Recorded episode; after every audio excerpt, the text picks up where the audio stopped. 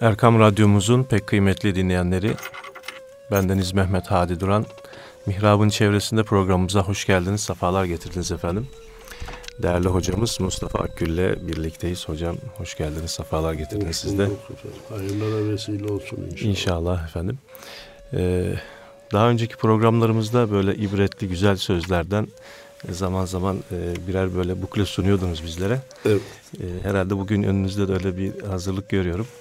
Öyle Evet. güzel sözlere ihtiyacımız var değil mi hocam bugünlerde inşallah? O kanaattayım efendim. Bismillahirrahmanirrahim. Elhamdülillahi Rabbil alemin. Ve salatu ve selamu ala Resulina Muhammedin ve ala alihi ve sahbihi ecma'in. Ve muhterem Hadi Hocama değerli dinleyenlerimiz, bence genel kurallardan biri de şudur ki, insanoğlu bildiği şeyleri bile tekrar duymaya muhtaçtır. Eyvallah. Bunun en açık örneğini başsağlığı taziye ziyaretlerinde görürüz. Yeni çocuk doğumlarında, yeni ev almalarda görürüz. Nasıl olur?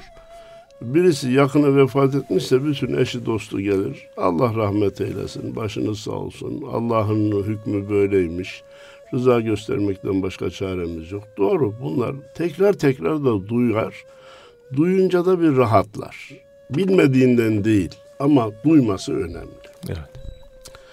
Cenab-ı Allah da Kur'an-ı Kerim'de müminlerden bahsederken اَلَّذ۪ينَ يَسْتَمِعُونَ الْقَوْلَ فَيَتَّبِعُونَ ahsene. Müslümanlar her sözü dinlerler. Ama sonunda da güzel olanına uyarlar. Çünkü güzel söz ruhun hasret duyduğu bir gıda, bir su gibidir Hadi hocam. Eyvallah. Onu duyunca irkilir. Onu duyunca bir haz duyar. Aradığını bulmuşluğun huzurunu yaşar.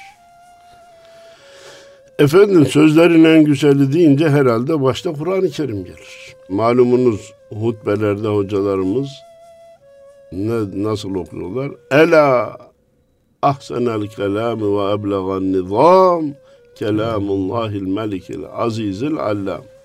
Dikkat edin sözlerin en güzeli ve hükümlerin en güzeli aziz ve alim olan Allah'ın kelamı Kur'an'dır. O anlamda Kur'an'ın iniş tarihlerinde zaten onu dinleyenler iman ediyorlardı.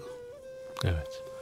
E, son bu asrımıza doğru gelirken de nice insanların ezan ve Kur'an dinleyerek Müslüman olduklarının hikayelerini dinleyicilerimiz duymuşlardır. Sözlerin en güzelini duyunca ruh işte biraz evvel dediğim gibi aradığını bulduğunu hissediyor ve hakikaten sahibinde de bir maden varsa bu sesin sahibi, bu sözün sahibi yalan olamaz, yalancı olamaz deyip tabi oluyor. Şüphesiz ikinci sırada sünnet-i seniyye Efendimizin hadis-i şerifleri gelir. Hadis-i şerifler bir, yeni bilgiler edinmek için mütalaa edilir, müzakere edilir. Bir de hatırlarsanız teberrüken, gelin iki üç hadis okuyalım. Yahu bildiğimiz konular, Efendimiz Peygamberimiz Aleyhisselatü Vesselam, hayrukum men taallemel Kur'ane ve allemehu buyurmuş. Tamam. Ee, sizin hayırlılarınız Kur'an'ı öğreten ve öğrenendir. Bunu duymadık mı? Duyduk. Olsun bir kere daha. Bir kere daha. O ne yapar? İnsanda hadis-i şeriften, Efendimiz'den gelen feyzi alma gibi bir nimete ulaştırır. İnikas, inikas diyorlar değil mi? Ah, Kalpten Allah kalbe. razı olsun. İnikas, yansıma, e, isti, e, istiba var. Bunun Evet. boyasıyla boyanma. Evet. Bunlar çok önemli şeyler. Ee, onun için sözlerin en güzeli Kur'an-ı Kerim. Sonra Efendimiz Peygamberimiz Aleyhisselatü Vesselam'ın hadis-i şerifleri ki Kur'an-ı Kerim anlamında koca Yunus'un bir güzel beyti var. Söylenecek söz budur. La ilahe illallah. Bunu dedirten odur. La ilahe illallah diyor. Bütün sözleri sıraya dizseniz içinde söylenmeye layık en güzel cümle nedir deseniz La ilahe illallah Eyvallah. cümlesidir. Peki biz bunu söylüyorsak çok akıllı, çok zeki olduğumuzdan mı söylüyoruz? Hayır. Bunu dedirten de odur. Yani Allah nasip etmiş de söylüyoruz. Söz Yunus'tan açılmış ve üniversite imtihanlarının henüz sıcaklığı geçmemişken Allah imtihana giren evlatlarımıza hayırlı kapılar açsın. Onlar neticeyi bekliyorlar. E Yunus diyor ki ilim ilim bilmektir. İlim kendin bilmektir. Sen kendini bilmezsen ya nice okumaktır. İlim bilmekten maksat kişi hakkı bilmektir. Sen okudun bilmezsin. Bu yani. bir kuru emektir. Dört kitabın manası bir elifte toplanmış. Sen elifi bilmezsen bu nice okumaktır. Evet. Eliften maksat Allah'tır. Rabbini bilmiyorsan sen mühendis olsan, profesör olsan, diplomat olsan, akademisyen olsan ne işe yarar? Evvela sen şu elifi bir öğren. 29 hece okudum uçtan uca. Sen elif dersin hoca. Manası, Manası ne demektir? Elif demek kolay. Ama onun manasını anlamak büyük iştir. Allah anlamamızı nasip eylesin. Amin. Yunus Emre der, hoca istersen var bin hacca. Hepsinden iyice bir gönüle girmektir. Al sana sözlerin güzellerinden bir örnek. Ne diyor? Gel gönül kazan, gönle gir, insanları sev, insanlar tarafından sevil. Senin adın anılınca insanlarda bir rahatlama hissi duyulsun. Evet. Bugün ona pozitif enerji diyorlar. Aksine de negatif enerji. Falanca mı? Ya bırak o adamı de, diyorlarsa bizim hakkımızda eyvah bize, yazık bize, yuh bize. Efendim, Kur'an-ı Kerim var, hadis-i şerifler var. Bir de İslam alimlerinin Kur'an'dan ve hadisten alıp bize sundukları, özetledikleri, tabir caizse çarpıcı cümleler haline getirerek sundukları güzel sözler var. Bunlar içinde Mevlana'nınki dikkati çeker. Evet. Allah rahmet eylesin, şefaatlerine nail eylesin. Amin. Mevlana'lar, Yunuslar bilinen gerçekleri bile çok değişik ifade ederler. Bazen bilinmeyen hakikatları da çok basit cümlelerle bilinir hale getirirler. Hatta rivayet olunur ki Sadreddin Konevi Kaddesallahu sırrahul aziz Mevlana Celaleddin Rumiye demiş ki Üstad sen, sen demiş nasıl yapıyorsun da bu derin hakikatları, çetrefilli konuları basit cümlelerle ve basit misallerle anlatıyorsun. Ben buna hayret ediyorum deyince Mevlana da demiş ki Valla ben de siz zahir alimlerinin açık konuları nasıl anlaşılmaz hale getirdiğinize taaccüp ediyorum demiş. Allah Allah. ben üzülerek bugün bazı diyorum hepsine demem ama bazı akademisyenlerin meseleyi evet. anlatayım derken anlaşılmaz hale İçin, içinden çıkılmaz, çıkılmaz bir hale. hale getirdikleri aklıma geliyor. Cenab-ı Allah hepimize iyiyi, doğruyu, güzeli söylemeyi, dinlemeyi ve uygulamayı nasip eylesin. Amin. Bugün Mevlana'dan nakillerde bulunmaya çalışacağım. İlk nakletmek istediğim söz şu. Sıkıntı etmen efendiler. Dert adama yol gösterir. Hmm. Şimdi sorsam problemi olmayan kimse yok. Ah ah benim başıma ve şunlar benim başımda böyle problemim var böyle. Dur be kardeşim. Dert adama yol gösterir. Dermanı arayayım, arayayım dersin. Çeşitli insanlarla tanışırsın. Ve oradan Allah sana şifalar verir. Allah'ına şükredersin. Sıkıntılı günlerin meyvesi elhamdülillah dedirtmek geçince bitince sevinçli günlerin neticesi de ah eyvah bitti İşte yaz tatilindeydik, şöyle gezdik, böyle eğlendik. Eyvah bitti. Onlar bitince eyvah dedirtiyor. Sıkıntılı günler bitince elhamdülillah dedirtiyor. Bunun için derdinden şikayet etme yerine çaresini ara, onun bir gün geçeceğine inan. Günümüz insanındaki problemlerden birini ben şöyle görüyorum Hadi Hocam. Sıhhati yerinde olunca hiç hastalanmayacağım zannediyor. Hastalanınca da iyi olmayacağım, Olmayacağım zannediyor. zannediyor. İnanın hakikat böyle değil. Bugün en sağlamım diyen bir insan yarın hasta olabilir. Evet. Bugün tıbbın ümit kestiği artık bir hafta on gün ancak yaşar dediği insan sıhhate kavuşabilir ve seneler. Bir tablo aklıma geldi. Bu da Buyur. geç- bu da geçer yahu. Güzel, Yani güzel. Bu da geçer yahu. her şey için. Herkes sıkıntısını çekerken, derdini çekerken bu da geçecek yahu diye düşündüğü zaman derdi, sıkıntısı hafifler ve bir gün olur onların hikayesini anlatır. Şöyle olmuştu, böyle darlanmıştık, böyle sıkıntılanmıştık. Oradan da şuraya gittik, ondan da şunu dinledik, bunu da uyguladık. Elhamdülillah geçti. Onlar hikaye olur. İnsan bugün başındaki sıkıntıyı en büyük sıkıntı görüyor veya kendi başındaki sıkıntıyı dünyanın en büyük problemi olarak görüyor. Bu ne yapıyor? O problemi daha da büyütüyor. O derdin sıkıntısını daha da artırıyor. Sıkıntı etmen efendiler, dert adama yol gösterir. Demiş Mevlana. Efendim, evvela ne yapar? Ee, dert insana acizliğini hissettirir. Sıhhatliyken, zengin iken, genç iken insan kafalar hep yukarıda gezer. Yaşlanınca, fakirleşince, hastalanınca ya Boynu ağır. bükülür. Boyun bükülür abi. O tansiyonlar, o şekerler insanın boynunu bükür. Efendim bir başka sözünde Hazreti Pir Mevlana Celaleddin Rumi diyor ki Unutma senin için başkasından vazgeçen bir gün gelir başkası için de senden vazgeçer. Evet. Şimdi bu sözü birkaç yönden düşünmemiz, ele almamız lazım. En basitinden efendim bir işveren bir elemanı çalıştırıyor.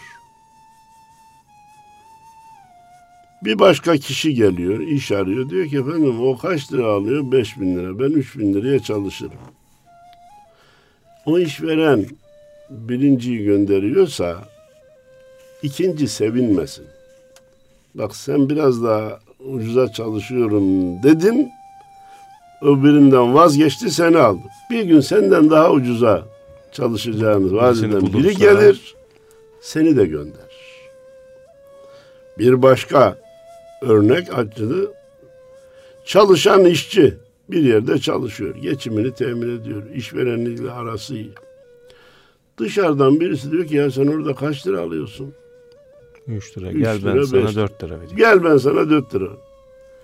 Hemen o yanındakini çıkarıyor bunu alıyor. Daha kabiliyetli, daha becerili, daha başarılı diye. Aradan 6 ay geçer, bir sene geçer. Bir başkası daha teklif eder. Bu sefer seni kovar, seni gönderir, onu alır. Bunun için ben çalışanlarda ve çalıştıranlarda ufak hesap peşine düşme yerine istikrarlı olmalarını tavsiye ederim. Biriyle alışmışsın, huyuna vakıf olmuşsun, o senin huyunu anlamış, bir düzen tutmuş gidiyorsa, gemi yürüyorsa, tren raydaysa, sık sık değişiklikler kişilere ve firmalara fayda getirmez. Bu işin Adi Hocam basit yönüydü. Çok daha ciddi konuda Mevlana Celaleddin Rumi'nin bu sözünü insanların kulaklarına küpe olarak takmak lazım. O da ne? Yuva yıkma konusunda. Yuva yıkma konusunda. Adam evli, çoluğu var, çocuğu var. Bir başkasıyla tanışıyor. O diyor ki hanımını boşa ki ben seninle evleneyim. Adamın onca seneler devam eden düzenini alt üst ediyor. Evet. Mevlana ikinci hanıma diyor ki bu sonradan gelip de yuva yıkana diyor ki senin için başkasından vazgeçen bir gün başkası için de senden vazgeçer. Sen o teklife iltifat etme. Makul değil, doğru değil. Burada güzel bir atasözümüzü daha koyalım. Yuva yıkanın yuvası olmaz. Bugün senin hatırın için sana olan sevgisinden dolayı, sana olan hayranlığından dolayı senelerce devam eden hanımını bırakanın yanına gitme, sözüne aldanma. Başkası için sen senin için başkasından vazgeçen bir gün başkası için de senden, senden vazgeçer. Al sana koca bir kitap. Al sana koca bir hayat dersi. Ki bu örneklerde çok duyuluyor. Maalesef çok duyuluyor. Evet. Onu bir başarı zannediyor. Hanımını boşattırdım ben onunla evlendim ya da boşarsan evlenirim. Boşattırıyor, evleniyor. Bunu bir marifet zannediyor. Daha sonra saçını başını yolar. Mevlana Celaleddin Rumi Hazreti Pir diyor ki Dün akıllıydım. Dünyayı değiştirmeye çalışıyordum. Bugün bilgeyim. Kendimi değiştirmeye çalışıyorum. Evet. Ya müthiş bir söz hocam. Dün akıllıydım. Lan bu cumhurbaşkanı yanlış yapıyor şöyle yapsa. Başbakan yanlış yapıyor böyle yapsa. Valinin şöyle yanlışları var düzeltse. Muhtar şöyle. Efendim ihracatçı şunu yapıyor. Tüccar bunu yapıyor. Hep her gördüğüm hatayı değiştirmeye çalışıyordum. Bugün bilge oldum. Kendimi değiştirmeye çalışıyorum. Aslında tam tersi olması lazım değil mi? Yani o bilgiyle önce kendisini donatması lazım. O donanımdan sonra da dünyayı değiştirmeye çalışması lazım. Ve İnsan... zaten kendisini değiştirdiği zaman dünyada e, ki eski gördüğü anormalliklerin bir kısmının anormallik olmadığını görecek. Evet. Basit değiştirme teklifini biliyorsunuz e, yanılmıyorsam e, Arşimet mi veya Newton Newton. yapmış. Newton yapmış. E, demiş ki şu yerdeki kabak devetlerinin meyvesine bak kocaman. Ceviz ağacına bak koca ağaç meyvesine bak küçücük. Ya halbuki bu kabak bu cevizin kabak kadar meyvesi olması gerekirdi. Yerdekinin de ceviz kadar olması gerekirdi. Derken bir gün cevizin altında yatarken kafasına bir ceviz düşmüş. Demiş ki ya bu cevizin meyvesi kabak kadar büyük olsaydı halim ne olurdu? Gördün mü kardeşim? Değiştirme teklifinden ee, her zaman iyi netice gelir manasına gelmiyor. Evet. Şimdi bu anlamda insanlarda gördüğüm yeni bir şeyi dinleyen, dinleyenlerimizin dikkatine sunmak istiyorum. Herkes ve nefsimde Ah bana sorsalar ben en doğruyu anlatırım onlara. Beni dan yanına danışman olarak alsa bugünkü yaptığı hataları yaptırmam. Ah benim fikrimi bir duysa ben bir ulaşabilsem o onu yanlışlardan kurtarırım gibi herkes de doğruyu en iyi kendinin bildiğine dair etraftaki yanlışları ancak kendisinin düzelteceğine dair bir fikir gelişmiş. Hadi hocam. Mevlana'nın bu sözünü unutmayalım. Dün akıllıydım. Dünyayı değiştirmeye, etrafımdakileri değiştirmeye çalışıyordum. Bugün bilgi oldum, kendimi değiştirmeye çalışıyorum. Mevla'nın bir hikmeti var bu işte. Deyiversek Eyvallah. biraz daha rahat edeceğiz. Hazreti Pir Mevlana Celaleddin Rumi bir başka sözünde buyurmuş ki Kusur bulmak için bakma. Bakarsan bulursun. Kusur görmemeyi, görmeyi düzeltiyorum. Kusur örtmeyi marifet bil kendine o zaman rahat olursun. Eyvallah. Ne demek? Yani bir hadis-i şerif meali gibi bir şey olur evet, değil mi? Zaten ayetlerden, hadislerden alınmış. Evet.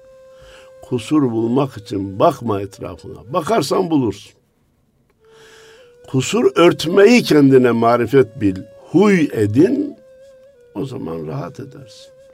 Evet. Sen de kusursuz olursun. Efendim, olaylara tenkit nazarıyla, bugünkü tabirle eleştirel gözle, Eleştirmenler var. ya. ele bakmaya bir başlarsan düzeltemeyeceğin ve sonra bitiremeyeceğin kadar yanlışların olduğunu görürsün. Niçin onları öyle değiştirmeye te- çalışıyorsun da yenilerini teklif ediyorsun? Sana göre bunun daha doğru olacağı için. Onun doğru olduğunu kim, kim bilecek? Biz nereden bileceğiz senin düşündüğünün veya benim düşündüğümün en doğru olduğunu? Efendim burası şu anda oturduğumuz odanın zemini bu gördüğümüz döşemeyle döşenmiş. Efendim daha iyisi olamaz mıydı? Bana göre halı olsa daha iyiydi. Öbürüne göre muşamba olsa daha iyiydi. En iyisinin hangisi olduğunu kim karar verecek? Bir. İki. Bilhassa evlatların dikkatini çekerek söylüyorum. En iyisini düşünmek kolay. Ya yapmak? Arabanın en iyisinin hangisi olduğunu biliyor bizim gençler. Evlerin en iyisinin de nere olduğunu biliyor. Hadi al da göreyim. Kazan da göreyim. Onu babayın bilmediğini mi zannediyorsun? Annenin onun farkına varmadığını mı zannediyorsun? Evet. Ama maddi imkanlar el vermezse elbette biraz bu tarafta olanınla, olanıyla yetinilecektir. Varılamayan köyün berisinde yatılır. İlla iyi düşünmek ayrı bir şey, onu gerçekleştirmek ayrı bir şeydir. Etrafımızda yanlış yaptıklarını düşündüğümüz kişileri akılsızlıkla suçlamak yerine ya belki de imkanı olmadığı için onu yapamamıştır diye düşünürsek tenkit etmekten vazgeçeriz. Bu sözde iki cümleyi dikkat çekerek başka söze geçmek istiyorum. Bana göre şu daha iyiydi diyorsun. Senin iyi dediğinin yüzde yüz iyi olduğunu kim bilir? Kim bilecek? Kim Nereden karar, ya da kim karar verecek? Kim karar verecek? İki, sen başkasının bak şunu yapsa daha iyi olurdu diyorsun. Adamın onu düşünmediğini mi zannediyorsun? Belki düşündü de maddi imkanı müsait değildi. Onun için ona razı oldu. Bu iki noktayı dikkate almalarını tavsiye ediyor. Bir başka sözünde Mevlana Celaleddin Rumi'yi dinliyoruz. Üzülme can, doğru oldun zarar gördüm deme.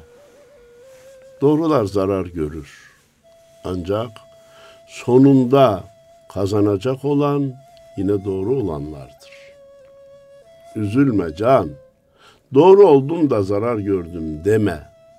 Bundan dolayı başıma neler geldi deme. Evet. Doğrular zarar görmez mi? Görür. Doğruluğun bir faturası yok mu? Var. Var. Ama sonunda muvaffak olacaklar. Başarılı olacaklar. Elhamdülillah diyecekler yine doğrulardır. Vel akibetu lil muttaqin.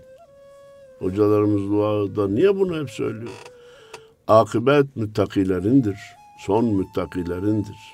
Efendim, doğru olmanın inan ki faturası olur. İşini çok kaliteli yaparsın. Kalite ister istemez maliyeti yükseltir.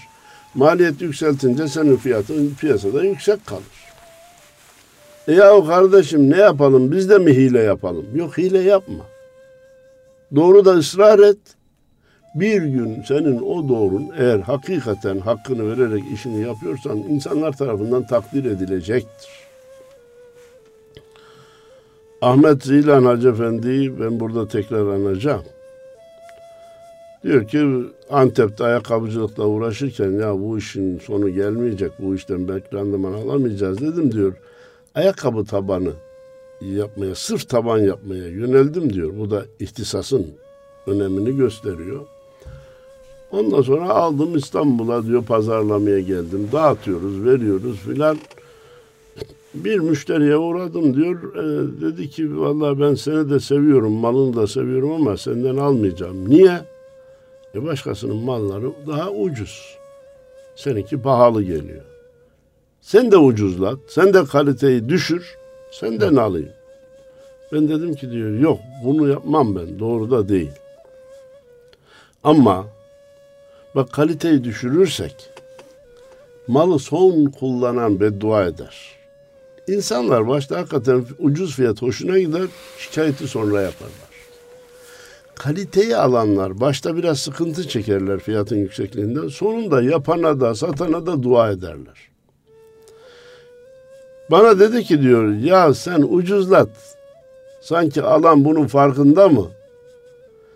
E sonra farkına varırmış. Değiştirsin bir daha ayakkabı alsın. Ne olacak sen bana dert mi dedi, dedi diyor. Ben dedim ki diyor sen böyle düşünürsen işini kaybedersin. Dedim.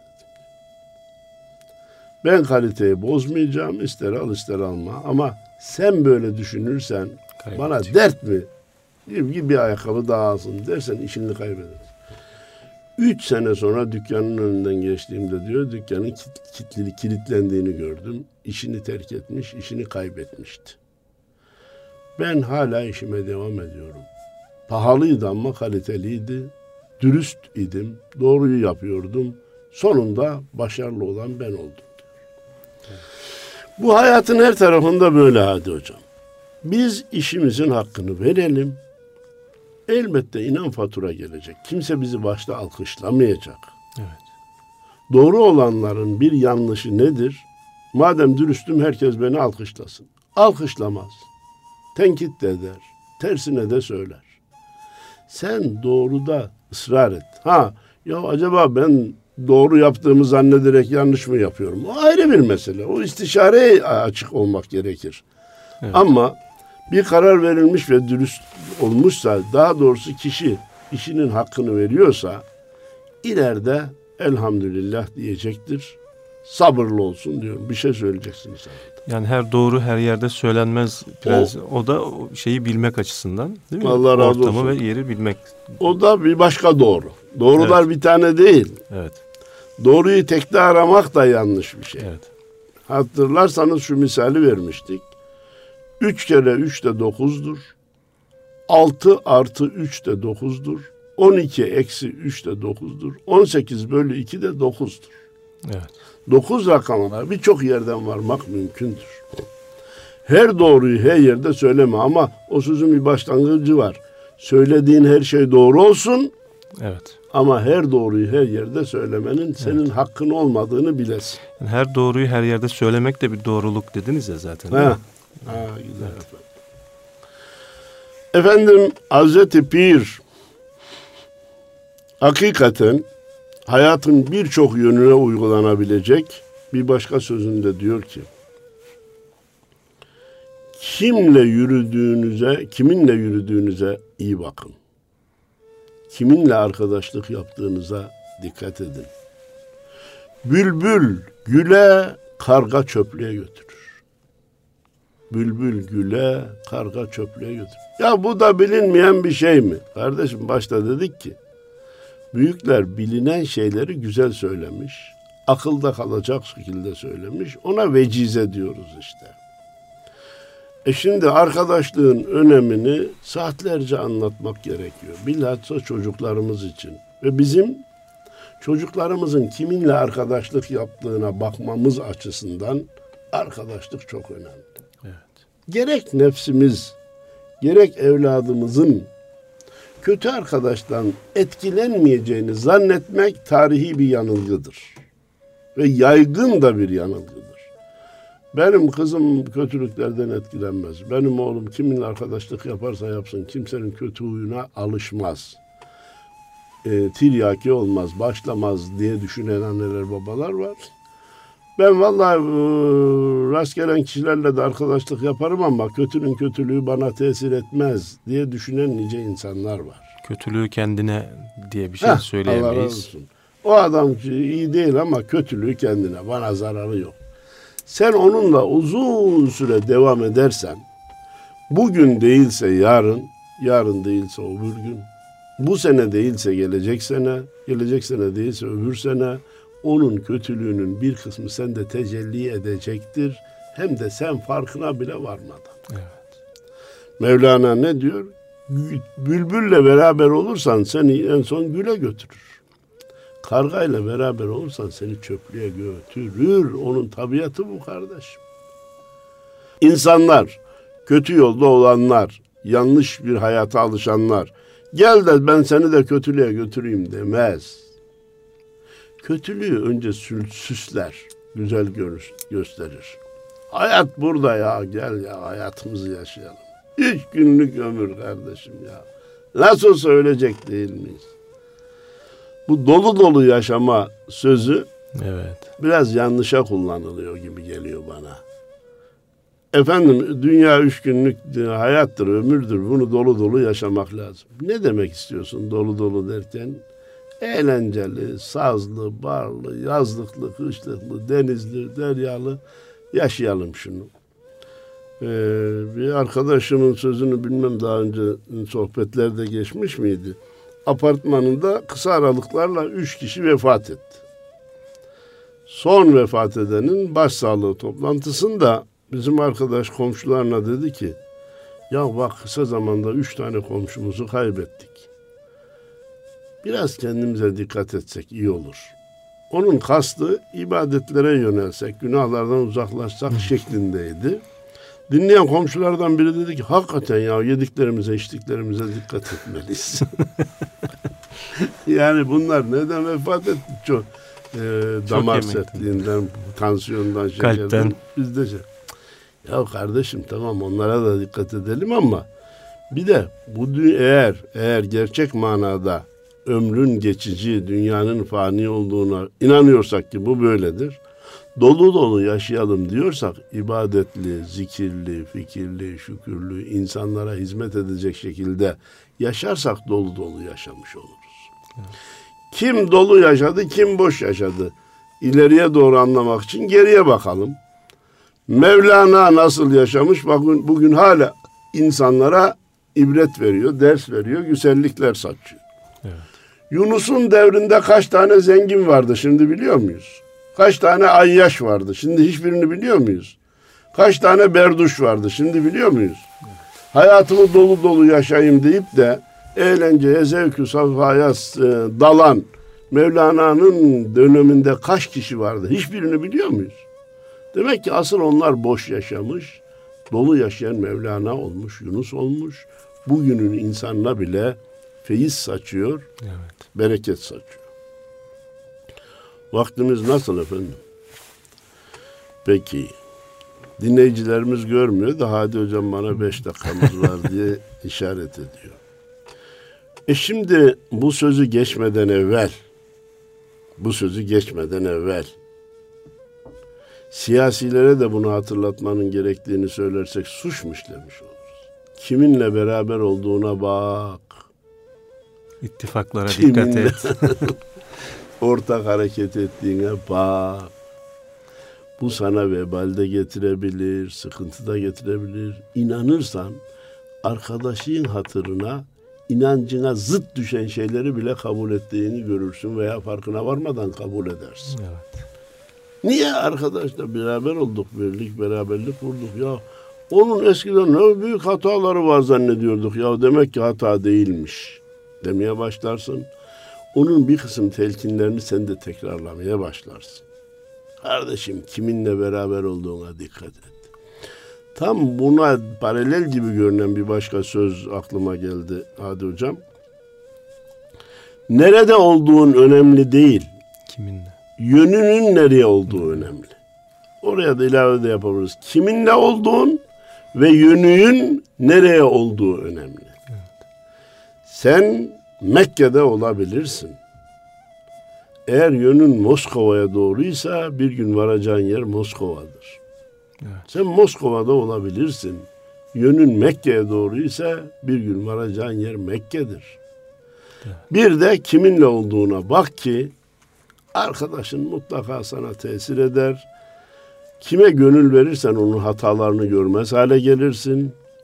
Onun yanlışlarını doğru zannedersin sen kendi doğrularından da şüphelenir hale gelirsin. Ya biz de eskiden hakikaten çok dar açıdan bakıyormuşuz herhalde. Biz de biraz görüşlerimizi değiştirsek iyi olur filan demeye başlarsın. Etme. Hazreti Pir başka sözünde diyor ki, kalp denizdir, Dil ise kıyıdır. Denizde ne varsa kıyıya onu vurur. Hmm. E şu söz güzel değil mi? Hadi hocam. Kalp denizdir, dil kıyıdır. Denizde ne varsa kıyıya onu vurur. Efendim, güzel sözlü nice insanlar vardır. Sözünün güzelliği hoşumuza gider. Kelimeleri iyi seçer. Cümleleri iyi seçer. Ama sonunda öyle bir laf eder ki o ne hayran, hayran olduğumuz kişi bu muydu demeye başlar. Dervişin fikri neyse zikri odur. Zikri odur bir başka ifade bu. Evet. Efendim eee, işte cebimize mesajlar gönderiliyor ya böyle çok kafası çalışan entel aydın geçinenlerden birisine televizyonda spiker soruyor. Diyor ki ya bazı insanlar diyor karşıdakini test etmek için dini duyguları kullanıyor. Ha ne yapmış orada da canlı misal veriyor.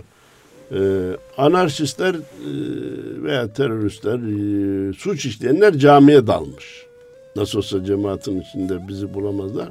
Polis de kapıyı tutmuş çıkarken soruyormuş öğle namazı kaç rekat? Bilemezse gel, gel bakayım sen. Bizzat televizyonda izledik onu. Öyle mi? Tabii bir hırsız sabah namazına kaçıyor. Heh. Polisler peşinde. Güzel. Çıkıyor polis soruyor Nam- sabah namazı kaç rekat? Beş diyor. Hah. Alalım arkadaşı diyor hemen Em- Emizür Bey de. Şimdi benim asıl söyleyeceğim o oradan hareketle demek ki oymuş demek ki Evet. bana cebime gönderilen. Şimdi adını söylemeyeceğim ama F A adını soyadını şey. Ona spiker diyor ki ya bu, sen bunu doğru buluyor musun? Ya böyle şey doğru olur mu diyor ya. İçeriden çıkan Hanefi mi diyor, Şafii mi biliyor musun diyor. Belki Hanefilere göre dört rekat olan Şafilere göre beş rekattır diyor. Allah Allah. Ulan oğlum beş rekat olan hiçbir namazın olmadığını da bilmiyorsun bak. Zaman zaman da ahkam keser, yol gösterir vesaire. Kardeşim kalp denizdir, dil kıyı. İçinde ne varsa denizde ne varsa kıyıya onu sürer. Kalpte ne varsa dil bir gün onu e, ortaya çıkarır. Çıkartır. Onun için biz şu kalbi temizleyelim diyeceğim de hemen kalbim temiz sözleri Evet. aklımıza geliyor. Efendim. Ne olursa olsun benim kalbim temiz. Benim kalbim temiz. O kalp temizliğini kalbi selim sanma ey hace ki senden zerru sim isterler yevme la yenfa'u da kalbi selim isterler. O selim kalbi bulalım. Hep beraber ona hizmetçi, hizmetkar olalım. Efendim bir söz daha nakledecek kadar herhalde vaktimiz var. Eyvallah hocam. Mevlana Celaleddin Rumi diyor ki Dediler ki gözden ırak olan gönülden de ırak olur. Dedim ki gönüle giren gözden ırak olsa ne olur ki? Hmm. İşte söz abi. Dediler ki gözden ırak olan gönülden ırak olur. Ben de dedim ki gönüle giren gözden ırak olsa ne olur ki? Bir kere gönüle girmiştir o. Gönle girmek, gönle alabilmek önemli olan o. Allah dostlarını sevebilmişsek, her an yanında olmasak bile onların feyzi bereketi bize ulaşır. Büyükler buyurmuş ki, müridanımız vardır, dizimizin dibindedir, bize fersah fersah uzaktır. Müridanımız vardır, bizden fersah fersah uzaktır ama dizimizin dibindedir gönle girmiş olma. Allah Resulü'nü sevebilirsek Medine'ye gidememiş olabiliriz. Ravza'yı görememiş olabiliriz. Yunus'un dediği gibi bir mübarek sefer olsa da gitsem Kabe yollarında kumlara batsam demiş olabiliriz. Ama Allah katında ve Resulullah yanında bizim o muhabbetimiz Veysel Karani olabilirsin. Veysel mesela. Karani olabilirsin, görememiş olabilirsin. Ama nice Medine sokaklarında dolaşanlardan daha makbul olabilir. Kimi Ahmet seni uzaktan görür, kimi yakın gelir kör olur gider dememiş mi şair? Mühim olan gönlü alabilmek. Cenab-ı Allah hem kendi sevdiklerini hem Efendimiz Peygamberimiz Aleyhisselatü Vesselam'ı hem de Allah aşkını, muhabbetini gönlüne alabilenlerden eylesin. Allah razı olsun hocam. Çok güzel bir duaydı bu evet. Gönle girenin gözden ırak olmasının hiçbir önemi, Önemi yok. yoktur. Hayırlı cumalar diliyor, saygılar sunuyorum. Allah razı olsun. Değerli hocamız Mustafa Akgül ile birlikteydik efendim. Biz de aynı dileklerle cumanızı Program tebrik bitti, ediyoruz. sözler bitmedi. İleride yine naklederiz. İnşallah. İnşallah efendim. Allah'a emanet olun.